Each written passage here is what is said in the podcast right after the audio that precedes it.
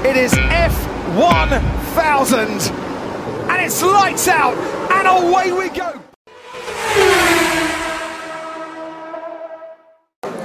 Ya, halo guys. Um, ya balik lagi di uh, episode terbaru dari Obras F1. Uh, obrolan santai seputar Formula One. Balik lagi dengan gua Kaca dan partner gua Eh, saya Angga Perez. Angga Perez. Iya, oh iya, Red Bull, Red Bapak Bull, pakai Red baju Red Bull. Red Bull, ya? Red Oke, Bull. new recruit anak baru pak. Betul Pak, Anak dari bawah. luar, dari luar akademi Pak. Hmm, Red Bull Academy. Yoi. Iya iya iya. Red Bull Academy cabutan pak. ya? Cabutan, Iya. ya, dengan sangat terpaksa terima Iya. kerjaan daripada Iya. nganggur. Benar, tapi tapi eh, Perez apa kalau si Perez bagus pak.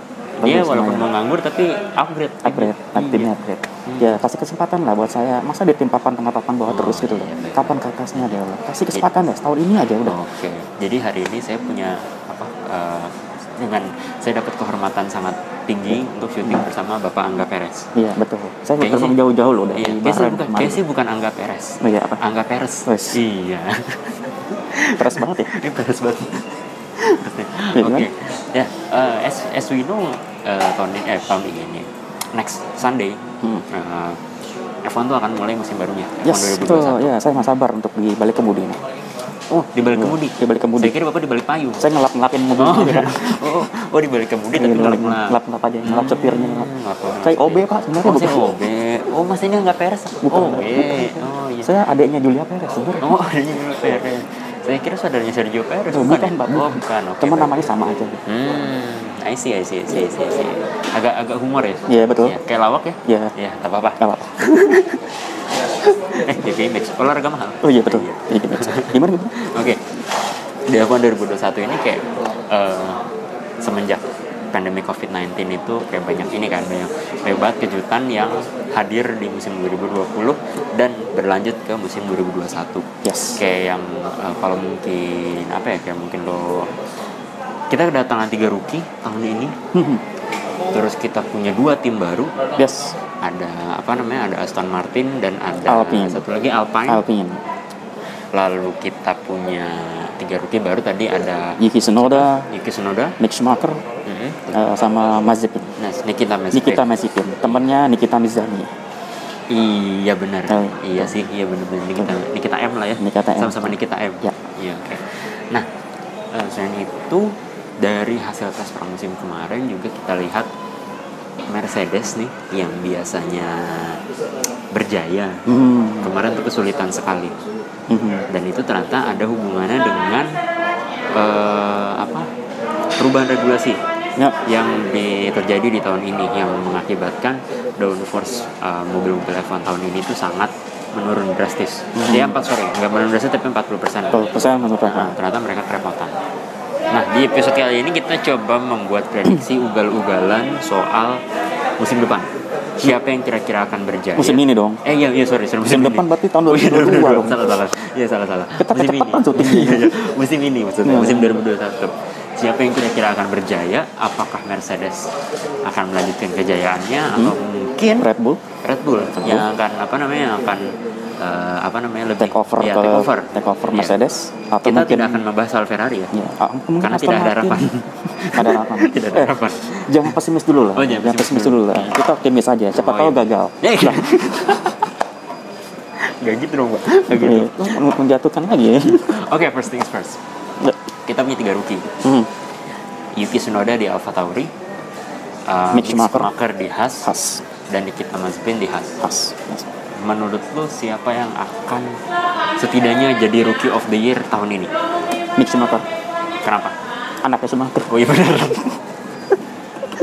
Udah, eh tapi usah gini, iya, iya. usah dinilai lagi. Gue gue gue looking, gue bener, gue gue looking forward Haas uh, Mick Schumacher itu bisa ngebantu Haas untuk setidaknya bisa mendapatkan poin yang signifikan. Ya, dibandingkan tahun lalu ya. Nah, ya dibandingkan tahun lalu. Tahun lalu parah banget ya. ya gue sih berharap Mick Schumacher bisa meng, apa ya mengemulasi bapaknya gitu ya saat Hmm. dia bisa berjaya dengan Jordan eh dia pernah main Jordan kan ya Siapa Michael Schumacher? Ya, Nah, Jordan. Jordan kan Tahun baru 91. baru 9 Dua. 92 ke Benetton. Nah, baru baru dia ke Benetton ya Yes. gue sih gue sih sangat berharap kayak dia bisa dia bisa emulasi uh, performa ayahnya walaupun balik lagi gue nggak mau membebankan terlalu banyak ekspektasi ke dia hanya karena dia anak Schumacher yes. Tapi kalau misalnya dia bisa perform dan dia bisa perform well kenapa enggak ya Betul betul betul, betul. nah dari kalau dari lu komentar lu soal Schumacher? Eh, so far kalau untuk di F2 ya semenjak gue nonton dia ya eh, konsisten lah ibaratnya bisa konsisten. Semoga apa yang dia lakukan selama di F2 itu bisa dibawa ke ajang F1 lah. Karena memang kan dia bergabung di tim khas ini kan memang uh, mesinnya Ferrari. Jadi eh, dia banyak belajar dengan tim ini.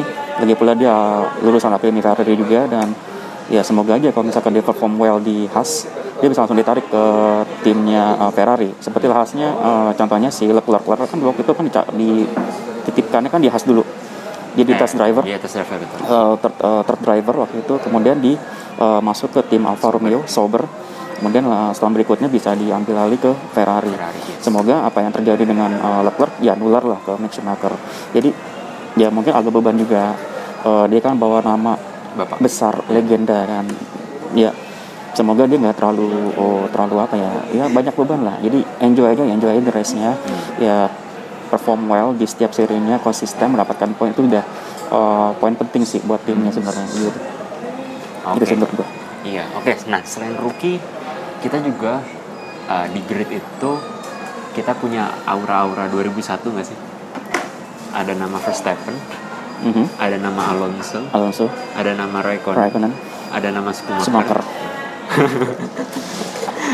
Jadi kalau misalnya ada orang ada orang time travel terus lihat grid tahun ini, dia akan bingung ini 2001 atau 2021. 2001 betul betul Nah, oke.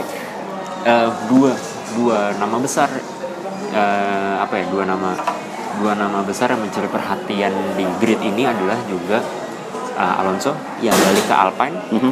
dan Aston Martin yang menyewa Sebastian Vettel.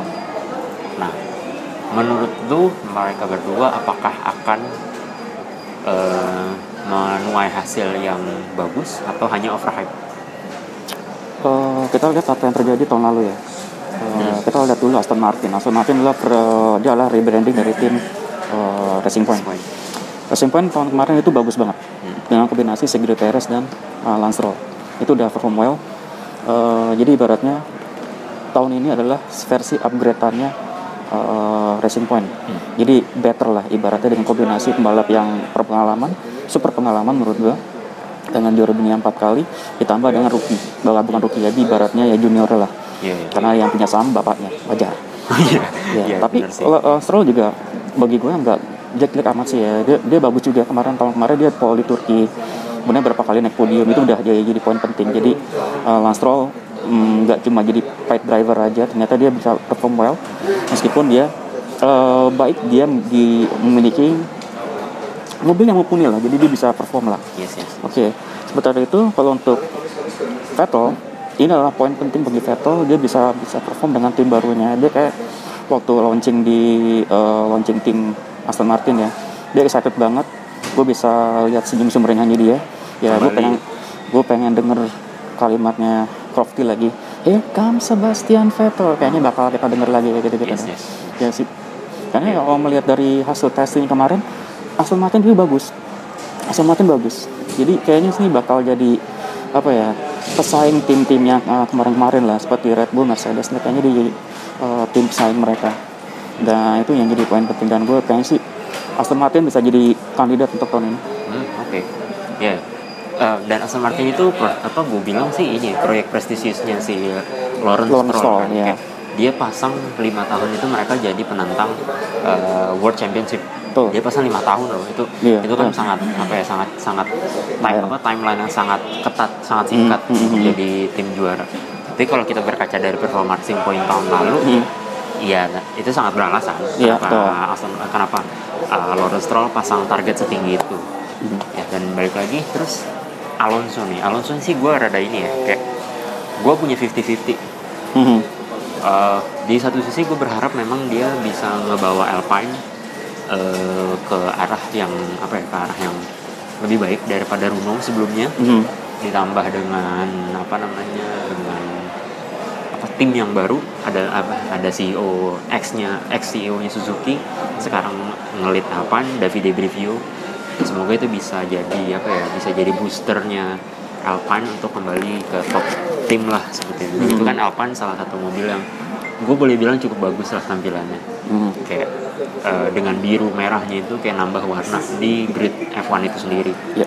Gitu. Tapi ya tapi di satu sisi kita nggak kita nggak kita bisa bilang Fernando itu udah tua sih. Tiga tiga berapa tiga delapan setahu seingat gue tiga delapan 38. dan ya pasti ada ada apa ya ada ada lu lu lu pasti punya keraguan lah dengan set umur setua itu ya pasti response time akan lebih lebih lambat, Lambat, sedikit iya. walaupun 0,1 detik Hmm, gitu kan itu kan hmm. pasti kayak gitu-gitu ngaruh banget tapi ya fingers crossed gitu. semoga Alonso bisa perform well di eh, Alpine Ya, gitu sebenarnya sih kalau untuk yang kenapa Alpine menarik Alonso memang mungkin karena dari segi pengalaman ya. Mm-mm, betul Alonso dalam segi pengalaman dan dia memang akrab banget dengan Renault. Mm-mm, Dia benar. besar dengan Renault. Eh, dia juara dunia juga dengan Renault. Jadi otomatis ibaratnya Renault seperti balas budi lah. Eh, pengen mengembalikan jaya- eh, mengembalikan masa jayanya waktu bersama Renault dengan Alonso. Jadi ibaratnya ingin mengembalikan masa 2005, 2006 bersama Alpine Ya, dan. Alonso seperti itu. itu semoga ini sih semoga beneran kejadian Iya menolak kejayaan dan ini proyek kayak gini siapa tahu loh eh, hal terjadi waktu bersama Mercedes dekat Schumacher. Hmm, Schumacher juga mengembang-kembangkan tiga tiga tahun Mercedes setelah itu jadi bagus kan? dominan betul. Dominan kan. Nah siapa tahu dengan eh, kondisi seperti itu mungkin Alpine mengkopi apa yang terjadi dengan Mercedes. Hmm. mengambil Alonso lalu nanti pengembangan pengembangan pengembangan mungkin tiga tahun ke depan empat tahun ke depan kita nggak tahu. Yes yes yes. Tapi sayangnya nanti jangan kalau bisa jangan pensiun dulu lah. Ya. Nikmatin dulu dengan mobil Alpine-nya ya kalau udah berjaya baru pensiun. Kayak inilah kayak Kimi lah Kimi dibayar untuk melakukan hobi. Bukan hobi. Enak kan? iya hobi doang. Mau gitu. gue kayak gitu. Iya itu gue masa juga mau kan? Iya. mau umur 60 tahun juga. Melakukan hobi dan dibayar. Iya. Masih bisa dipakai lagi. Kalau Hmm. kalau memang dia emang nama sih. Apa? Ngejual nama. Iya nama betul. ngejual branding nama. benar. Branding sama kayak Rossi di MotoGP. Yes. Kayak gitu. Ya Apa sih? berharap aja Alpine senior senior ya Alpine bisa ya bisa top 3 lah atau top 4 lah Hmm. untuk tahun ini. Karena kan Renault kemarin dia bisa tampil berapa ya? Kemarin tahun kemarin ya? Peringkat 4 ya? Siapa? Eh, Renault lima. Ya, lima ya, Eh, lima. eh, empat itu Racing Point, Racing Point, tiga ya. itu McLaren. McLaren ya. Ya mudah-mudahan sih. Ya Alpine nanti bisa naik tingkat lah. Naik peringkat naik peringkat posisi dan dari catatan praktis eh, testing pramusim kemarin juga Alpine juga bagus. Hmm, Iya, yes, ini yes. kan Mercedes. Nah, Yes, yes, yes. Nah, ini jadi ya apa ya? Jadi gambaran sedikit lah. Apalagi kan kalau di nanti kan race di Bahrain, testing juga yang Bahrain. Jadi ya minimal nggak beda jauh lah hasil hasil balapan juga dari situ situ juga. Yes, yes, gitu loh. Nah, oke. S- eh, selain itu, kita juga harus membahas eh, Sergio Perez seperti yang bapak Saya- pakai sekarang. Oh ya, saya ya. Sergio Perez seorang midfielder. Oh, bukan. eh sorry, kok midfielder? Gelandang tengah dong. Seorang midfield driver eh, yang memang karirnya dihabiskan di Sauber, Force India, eh, Racing Point. McLaren. Eh, ini McLaren. Oh, McLaren. gue lupa loh dia pernah di McLaren. Saya pernah di McLaren pak. Oh jangan lupa. gue lupa gue lupa dia pernah di McLaren asli Eh, saking saking 2013 kan Saya lupa pak. Iya 2013 Tapi Eh, banyaknya tim saya jadi saya seingat gue dia 2013 tuh 2013 jadi Oh, banyak apa, ya? jadi McLaren McLaren, dan oke. soalnya McLaren lagi turun kan saat iya, dia benar. di saat Perez di McLaren tuh McLaren lagi turun. Nah eh, ini kayak tahun pembuktian gak sih? Tahun pembuktian ke Perez dengan eh tahun pembuktian buat si buat Sergio Perez bahwa gue bisa over deliver dengan midfield car. Nah sekarang dia punya kesempatan untuk ada di top of the line nah, di dengan mobil mobil apa namanya mobil yang cukup Mumpuni lah untuk lah, cukup, mumpuni lah. Ya, Red Bull RB 16B Eh, tapi dia punya satu tantangan terbesar yaitu eh, Max Verstappen atau si bocah company Hmm. ya menurut lo apakah dia akan bisa konsisten over deliver seperti biasa atau malah dia akan jadi wingman Nah, ini tahun pertama buat dia ya. Dan dia baru pertama kali dengan akademi ah, akademi Red Bull. ya ya nggak nggak akademi itu Enggak akademi, maksudnya bergabung dengan keluarga Oh, iya, Red Bull, ibaratnya gitu yes. kan. Karena yang sebelum-sebelumnya udah jadi bagian dari keluarga, dia depak-depak juga kan. gitu loh. Jadi ya semoga saja Perez eh, bisa langsung adaptasi dengan Hmm. eh, keluarga barunya ini. Karena memang kalau di Red Bull yang yang gue denger ya, itu memang keras banget. Kehidupan keras banget. Banyak pembalap-pembalap yang dari akademi Fer- eh, akademi Red Bull sendiri nggak tahan dengan uh, kondisi di Red Bull seperti apa karena konflik politik itu banyak banget karena memang tuntutan tim juga gitu kan. Yes, tuntutan tim ya semoga Perez bisa uh, ibaratnya mengimbangi apa yang diminta oleh Red Bull. Karena kan tujuan dari tujuan utama Red Bull menarik dia itu kan untuk tetap berada di top 3 yes. Top 3 tim itu loh. Jadi mereka merelakan akademi mereka anak-anaknya di depak-depakin demi menarik sebuah orang yang pengalamannya lebih banyak. Hmm. apalagi Perez ini sudah ya menang kemarin ya tahun kemarin udah menang. Iya di bisa jadi Sakir Sahir dan semoga ini bisa jadi apa ya batu loncatan buat dia lah. Atau bisa next ke level yang lebih tinggi bersama tim yang lebih bagus. Eh, tapi dengan kondisi eh, ya itu lagi. Perez harus bisa eh, ibaratnya bekerja sama dengan Red Bull.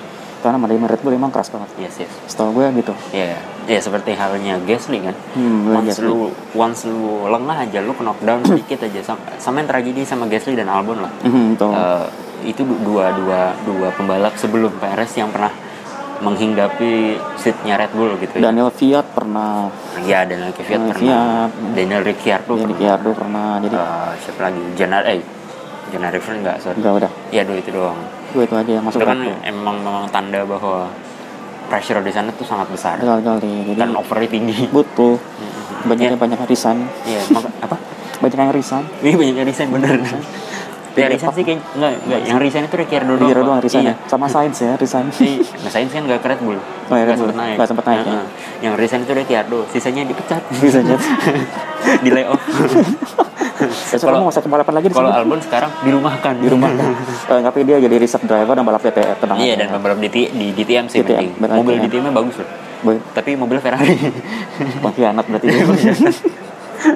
Ferrari tapi logonya Red Bull Oh, bagus iya. sih, Bagus. bagus. 48 Ferrari 488. Cuma aneh aja lu lihat. iya sih apa yang berat tuh tapi balap Ferrari Iya. nggak bener nih aneh banget, aneh banget. Eh, Oke, Eh, itu dari sisi driver ya. Sekarang kalau eh, kalau misalnya kita lihat tes pramusim kemarin, Hmm, kita lihat Mercedes itu struggling sekali, ya sangat struggling. alhamdulillah ya struggling ini yang saya harapkan iya, eh, iya, gue gue setuju kayak akhirnya Mercedes itu Akhirnya. kelihatan punya sisi lemah. betul akhirnya Walaupun juga gue nggak tahu itu sandbagging atau enggak, tapi eh, yang kita lihat Mercedes itu adalah tim paling sedikit yang eh, apa namanya so, apa sih punya lap punya Hmm. lap paling sedikit. Hmm, Nah, ya, mileage mileage-nya paling sedikit selama tes eh, selama tiga hari tes di Bahrain itu. Semen- di saat di saat Red Bull, eh, Alfa Romeo dan eh, apa namanya Alpine itu sangat konsisten hmm, eh, dengan dengan ratusan lap yang dia lahap. hmm, Mercedes itu kurang lebih cuma punya 100 something lah, Mhm. which is very very low. hmm, Eh, dan ya Toto Wolff sendiri bilang bahwa kita kehilangan banyak waktu dan kita kehilangan banyak mileage penting untuk mengetes performa mobil tersebut. hmm. Eh, kalau misalnya lu, lu sempat nonton eh, mobil mobilnya Mercedes itu sangat nggak stabil sekarang di bagian belakang. alhamdulillah Alhamdulillah. Dan sangat kontras dengan mobil Red Bull. nah ini dia Nah. Red Bull Heeh, benar. Kayak Red Bull apa Max Verstappen dan Sergio Perez itu komen eh, mereka bilang mereka sangat senang dengan balance mobil R- R- RB16B tahun ini dan sangat optimis untuk eh, apa sih bisa bisa mendobrak dominasinya Mercedes tahun ini. Hmm. Ya, semoga itu bukan semoga mendobrak ya bisa menggusur juga sih Ini bisa menggusur, jangan cuma mendobrak ya. Dobrak doang Eh, dan itu sangat apa ya, sangat apa ya sangat encouraging lah bahwa Yes. kita punya tim lain selain Mercedes yang bisa eh, mendominasi ya Mendominasi. Tapi jangan terlalu mendominasi iya, banget sem- sih. semoga lebih semoga lebih populer kayak gue juga mengharapkan Fer- Ferrari eh, bisa menemukan pace-nya kembali Mhm. eh, dan Alpine juga bisa mendobrak ke depan Mhm. kalau Aston Martin Aston Martin gue masih gue masih 50-50 terutama karena Aston Martin juga ini sih Aston Martin juga kemarin terus ketayahan di tes kemarin Hmm. karena mobil mereka Green Mercedes iya betul juga sih Iya, kan kopi Iya, kopi paste ya. jadi ya kurang lebih mereka kan suffering sama sih hmm. but still McLaren iya McLaren McLaren sekarang pakai Mercedes lagi. Eh, kayak apa sih kayak tahun-tahun sebelum 2000 berapa? 2016 eh 2016 udah Udah, Honda udah Honda. 2014 terakhir. Lupa saya. Iya 2014 kayak nostalgia. Atau inilah Mika Hakkinen apa zaman-zaman Mika Hakkinen. Di kakinan uh, McLaren Merce- uh, McLaren gabung dengan Mercedes itu tahun 95 96an deh. 96an throwback lah Mika Iya. Mercedes Jadi ibaratnya McLaren ini apa ya harus dari awal lagi gitu adaptasi lagi dengan engine Mercedes lagi. Udah bener makan pakai Renault kan. Balik Eh, lagi. tapi ini sih tapi gue lihat juga Norris sama Ricciardo lebih reliable Lebih reliable ya Lebih Mercedes. reliable. itu juga mereka mereka berdua tuh sama mereka berdua salah satu mobil yang produktif di Hmm. tes kemarin Oke oke oke. dan nah paling yang akan seru lagi untuk melihat performanya Haas sama Williams Di papan ya Tengah. Haas itu di papan bawah iya I see I know Jangan karena papan gan- bawah lah tengah aja. karena Steiner juga bilang gak usah berharap banyak sama Haas tahun ini Hmm. Nah, karena mereka juga nggak agresif eh, ganti-ganti apa pun. Kalau Williams apa ya? Ya lu berharap sama George Russell Yes. dan CEO barunya Josh Capito yang apa bawaan dari VW apa Volkswagen Motorsport. Hmm. Itu juga salah satu orang-orang yang apa berhasil lah meluncurkan sebuah brand jadi dominasi eh bukan jadi dominasi ya jadi jadi jadi tim yang sukses lah seperti Yes. itu ya semoga dia bisa membawa Williams improve karena sayang banget kita tahu Williams adalah tim yang legendaris dan Betul. papan bawah bukan tempatnya Betul. setuju sekali. Betul. Minimal dia papan tengah lah. yes midfield lah, papan, papan tengah lah. Kesian Williams udah nama besar, nama nama udah besar loh sebenarnya Williams itu. iya Tapi kalau misalkan dia berada papan bawah kayaknya gimana gitu. Kayak mau hancur enggak. Mau bangkit juga enggak. iya kayak sayang gitu Sayang. itu itu kan Sayang. heritage oke dan tahun ini ada 23 balapan Yes. salah satunya ada satu sirkuit baru di Jeddah Eh, Alhamdulillah ya. ya lu udah lihat alhamdulillah Alhamdulillah Allah Akbar. Akbar. Kita habis ini habis ini apa namanya eh, pada takbir akan semua. ada akan ada ini akan ada akan banyak paket wisata populer yaitu umroh umroh sekaligus nonton F1 nonton F1. Hmm, mantap Banget. ntar yang nonton ijo-ijo semua Hijau-hijau semua. iya Putih-putih semua. iya putih sama hijau Hijau. pendukungnya ini ternyata ternyata yang hijau pendukung Aston Martin Yang putih Williams sama Hans. yang putih itu Williams. iya benar Williams sama Haas. Williams sama Haas iya benar benar Apa Alfa Romeo juga? apa Alfa Romeo juga putih. Alfa Romeo iya Alfa tapi ada merahnya, merah-merahnya ada sih, iya. nah kalau Alfa kalau Alfa Romeo itu kalau lu lihat ada ini ada putih merah berarti itu anak SD SD. Ya. SD Betul, betul, betul, betul. nah eh lu udah lihat tracknya Jeddah kan Alhamdulillah belum. belum iya Allah tracknya Jeddah tuh agak ya gue bilang sih circuit ya, kan iya ya, street circuit. circuit tapi eh apa ya dia bilang mereka F1 bilang itu dia the fastest street circuit dengan kecepatan rata-rata 250 km per jam Hmm, berarti mirip Azerbaijan. yes, dengan 27 tikungan. Can you imagine 27 tikungan? Berarti saya main game itu harus apa lagi ternyata. Iya, 27 men. Jadi tikungan. Di ketika ketika apa namanya track biasa itu less than 20, Hmm. ini 27, hampir 30 tikungan. How? Yes. Wah, gokil sih. Ya gue nggak sabar untuk lihat itu Betul. di real life. Semoga semoga seseru previewnya. Betul. Semoga seseru Ya, semoga bisa kejadian ya, nggak seperti Vietnam. Kita udah ngarep-ngarepin Hmm, Vietnam. Ember. Nggak jadi. Nggak jadi. Aduh, Sialan. sekali. Sialan. Emang tuh siapa yang korup tuh? Tahu emang. memang tidak tidak tidak ini tidak tidak etis Tidak anda ya etis. anda anda tidak hanya apa namanya tidak hanya mematahkan hati penggemar F1 di Asia Asia, Tenggara. Tenggara, tapi seluruh dunia loh Seluruh dunia. parah sekali anda Astagfirullahaladzim. Untuk ada jeda, masya untung Allah. ada jeda masya Allah Masya Allah. alhamdulillah ya Pak ya. Alhamdulillah doa saya terkabul ya. berkah dari Allah Iya, ini saya sering tahajud sebenarnya. Ah, Yang tahajud. Oh, ya Allah. Eh, semoga F1 ada di Arab. Arab. Alhamdulillah. Sempat kontak-kontak juga sama Raja Minyak di sana. Raja Minang siapa namanya Hmm. Ustadz bin Affan. oh Ustaz Birafa Mm-mm. Oke. emang bapak nanti akan nonton jeda Enggak juga. Enggak juga ya kenapa bapak akan nonton Nggak ada duit, Pak? iya nggak ada duit bener sih emang bapak akan nonton emang bapak akan nonton di Vietnam Enggak. Enggak juga. Jadi kita sebenarnya nggak pengaruh sih Nggak apa-apa, nggak Nggak apa-apa. pengaruh. Kita Kita, nonton di TV kabel aja. Kita cuma halu aja udah. Mhm. Kita nonton di TV kabel aja. Mm-mm. Kita bagian-bagian TV, streaming. ini TV, ini kabel. Kabel. TV Iya, kabel. TV kabel. Ya, lanjut. Iya, eh, oke, ya. At least, gue sih gue sih cukup excited dengan F1 2021 ini ya. Hmm. Karena ya tadi kita punya line up driver yang sangat eh, banyak berganti. Ferrari punya Carlos Sainz sama Leclerc. McLaren ada Ricciardo dan Norris. Mhm. Eh, Red Siapa Bull lagi udah- Red Bull dengan Max Verstappen dan Sergio Perez, Perez. Aston Martin dengan Lance Stroll dan Vettel, Haas dengan Mick Schumacher dan Mazepin. Di Alpine ada siapa namanya? Ocon Ocon. Ocon dan Alonso. Alonso. Alfa Tauri ada Gasly dan Tsunoda. Itu itu kan benar-benar line up yang siapa yang akan ngira sih tahun lalu setahun lalu tuh 2020 nggak ada kan ada yang bisa meramal bahwa 2021 itu akan seramai ini Mhm. dan seunik ini komposisi gridnya gridnya antara pengalaman dan muda truk muda ya gitulah Oke, benar-benar banyak uh, pembalap-pembalap senior memberikan apa sih estafet ya, tongkat kasih estafet. ya ya estafet Hmm, bukan estafet siapa ya? estafet ke- ngasih input lah ya, masih input ke lah. pembalap muda. Iya, semoga transfer apa sih transfer Ilmu. knowledge, ya transfer ilmu, transfer skillsnya itu bisa berjalan lancar sehingga sehingga kita bisa punya banyak generasi apa ya generasi pembalap dan F1-nya juga bisa lebih seru. Ya Gitu.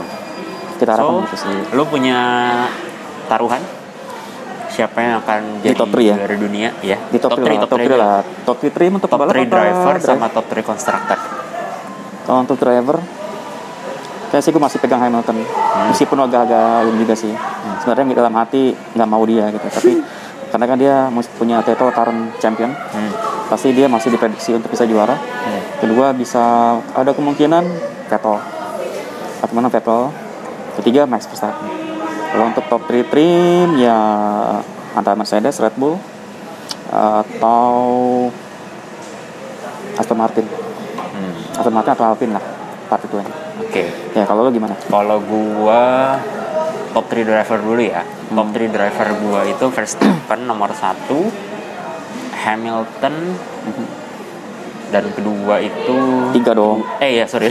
Maaf maaf. Kedua lagi. iya, iya. Sorry sorry. Gue ulang. Satu Verstappen dua Hamilton Hmm. tiga Perez. Tetap aja masuk juga Hamilton ya iya tetap Tetap aja. Gue nggak ragu soal Hamilton. Ya, emang gue ragu mau Bottas justru. Padahal nggak enak juga ngomongin dia. Iya gue ragu mau gue justru ragu mau Bottas. Kalau top 3 konstruktornya gue berharap Red Bull satu. Mhm. Eh, duanya Mercedes Hmm, tetap Mercedes ya masuk Iya, tiganya itu gue sih gini, tiga tuh gue masih terbagi antara Aston Martin sama Ferrari. no. Di satu sisi gue masih berharap sama Ferrari pak. Iya. Sama, Pak. Saya Iya. dalam hati juga at least, Ferrari. At least dia posisi tiga deh. Gue bisa muluk-muluk ada yang juara dunia, at least dia posisi tiga. hmm. So, I, uh, nomor tiga gue gue pilih Ferrari deh. Ferrari Ya Ferrari, semoga, Oke. semoga lah ya. Itu semoga pilihan. Anda Mattia Binotto jangan sampai ngebadut lagi ya Anda ya. Tolong. Jangan sampai kita akan apa ya, panggil pasukan putih-putih kita ya untuk lengserkan anda. Bapak lupa begini. Tifosi itu udah puasa 12 tahun. 12 tahun Pak. Anda Anda, Anda mau bikin Ferrari puasa kita lagi hancur. Ha?